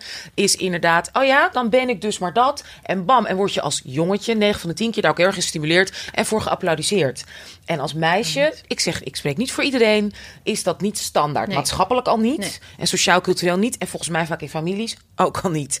Ja. Dus ik denk dat dat zo een mooie en belangrijke les is die jij ons nu geeft. Hm. Oké, als we, want wij voelen dat intuïtief toch ook al heel vaak. Dat we denken, Ja. nou ja, whatever, zoals laatst hè, met onze stichting hadden ze het idee, we vragen iemand voor dit of dat of dat. Oh, moeten we misschien niet doen, komt de kritiek. En toen dachten we, ja, er komt toch kritiek. Ja, dus precies. laten we dan gaan voor Ja. wat we willen. Ja. Ik vind dit een prachtig En je moet ook niet denken. Ik heb heel vaak discussies met mijn vriendin daarover. Die ook hiernaast. Ik heb een persoonlijke relatie met haar, maar ook een zakelijke relatie natuurlijk. Pittig. Dat ze ook mijn management doet. Dus heel Spannend, pittig. ja. En daar moeten we ook gewoon codes afspreken. Maar ik heb het ook heel vaak met haar over. Want we, hebben nu een kind. Dus dat is nog een derde relatie die je dan ook nog hebt. En zij denkt vaak voor een ander. Ja. Ik zeg van, fuck dat man. Hoezo moet je denken voor een ander? Denk gewoon even aan jezelf. En doe wat je moet doen. Ga niet voor mij denken. Ga niet voor de oppas denken. Ga niet voor deze mogelijke sponsor denken. Denk gewoon, wat wil jij en wat heb je nodig? Punt. En daarna ga je verder. Want ik denk niet voor een ander. Ik ga nooit voor een ander denken. Ik zal alleen maar voor mezelf denken. En het klinkt misschien egoïstisch of egocentrisch. Als het zo klinkt, fuck dat. Ik denk alleen voor mezelf. En als ik je kan helpen, dan help ik je absoluut. Het is echt die klassieker van een man komt thuis, er ligt nog één boterham en die eet hem op, want die heeft honger. Ja. Een moeder Maar komt thuis, ik- ligt ja, één ik wil toevallig vraagt eerst, heeft er iemand honger? Ja. Ja, ja. Nee, nee, maar ik- Vieren snijden, achten, negen. Nee, maar ik kom wel uit een gezin met delen. Ik heb wel Ja, geleerd nee, van delen. Dus ik ben net wat anders. Ja, nee, snap ik ook. En Ja. mijn man zegt dan ook altijd van ja, maar als ik heb gegeten, dan kan ik ook meer voor jullie doen. Ja, ja, ja, precies. Ja, de beste ik maakt de beste wij. Ja. Als ik heb geslapen, Ja. van 8 tot 8, kan ik jou helpen. Kan ik jou helpen, Sophie? Nou, dankjewel. Ja, Ja. dankjewel. Oké, kom. We, we komen nu naar de Ja, we gaan nog, ik, Ja. we, alles D's, B's, maar nu hebben we de triple D's, dipsaus. Eh, ja, ja, we gaan snel. Ehm, de triple D's, dus met wie wil je dipsausen, drinken of dansen? Dus we geven je drie namen en dan moet je eventjes kiezen wat je met wie gaat doen. Maar je moet met alle drie moet je wat gaan doen. Snap je hem? Met de Ja. een ga je dansen, met de ander ga je drinken en met de ander ga je dipsausen. En wat is dipsaus? Dipsaus? En dat is dat je dus met eh, wat wij doen. Wij appen elkaar constant. We bellen. Ik spreek ze meer dan mijn eigen familie. We zitten ehm, waarmee je iets zou willen opstarten. Maar die je ook zeg maar om tasadvies kan vragen. Ehm, waar kan je hem goedkoper? 1500 euro. Waar is hij voor drie? Dat soort dingen. Een tas voor vijf. Welke tassen koop jij? Wijs naar de andere. Ik heb nog nooit een tas Nee. 1500 euro maar dat gekocht. soort dingen. Dus je deelt alles. Van, eh, eh, eh, van tips tot huilend opbellen van ik weet niet meer wat ik moet doen. Tot En oh, hebben jullie een maar blauw- namenlijstje die, waar ik uit mag kiezen? Of mag ik Ja, zelf? zeker. Ja, Dat dat namenlijstje. krijg Ja, je. Je hebben krijgt, namenlijsten. je krijgt Viola Davis, Ja. Lauren Hill of Giel Belen. Dus je moet... eh, En met, Giel Belen, ja. En Giel, Met wie ga je wat doen? Dus met wie van de drie ga je dansen? Met wie van de drie ga je drinken? Met wie van de drie ga je dipsausen? Oftewel een incestueuze relatie over alles. Via Over alles. telefoon en social media en apps en live. Oké, ik ga appen met eh Lauren Hill. Ik denk dat dat leuk is. Dat wordt dipsausen dus. Ja. ja, en stuur elkaar voice notes en zo. En af en toe eh, bellen via WhatsApp, beeld Ja. bellen. Ja, waar ben je? Hey, ja man, ik heb net Ja. een show geskipt. Ik moet eigenlijk op, maar fuck Ja, it, je. Hij Ja, snapt het. Ja, is, ja. Mijn, Ja. Mijn, mijn aura liet het niet toe om vandaag op eh, podium te staan. Ja, precies. Ik, was, ik ben nog niet klaar voor. Ik heb een aan- en uitknop. Precies. Dus dat is Lauren Hill. Oké, Ja. met wie ga je drinken en met wie ga je dansen? Ik ga dansen met Giel Belen. Why? Eh zal ik ook afvloeren? Weet je? Ja, dat belangrijk is. Maar dan is gewoon een moment van, oké, we hebben afgesproken, we gaan dansen. Kan ik wel vloeren. Dat is belangrijk, weet je? Ja, ja. Je weet toch gewoon goed fysiek worden. ja, joh. Punt. Ja. Ehm, en ja. Ga je drinken met Viola Davis? ja, gezellig. Ga je Ik denk dat ik wel heel veel... Eh, wat zij wil dat ik drink. Ik ben daarin Heel niet moeilijk, want zij is gewoon te gast hier in Amsterdam. En als burgemeester voor de nacht, voor de avond, mag zij zeggen wat we drinken. En hoe lang we de tijd hebben. Dat vind ik dan prima. Oh, Are we invited? Zeker. Tuurlijk, Heel tuurlijk. erg mooi. Prachtig. Nou, dank je ontzettend, ontzettend, ontzettend. Dit was dus alweer aflevering 33. Je zat in 33. de eerste met je stem. Yes. Nu live bij ons in aflevering 33. Dank je wel voor je openheid. Dankjewel voor jullie openheid. Voor je warmte en je Ja. bereidheid Ja. om alles te bespreken. Mhm. Leuk of niet leuk, echt super tof. Eh, lieve luisteraars, dank jullie wel. Dit was het alweer. Ehm, we zijn er over twee weken weer. Aflevering 33 vanuit Amsterdam Vondel CS. En dankjewel mijn lieve Marjam, dankjewel mijn lieve Ebize. Dankjewel, Noes Noes. Was Tips. Oh, thank you so much. Yes.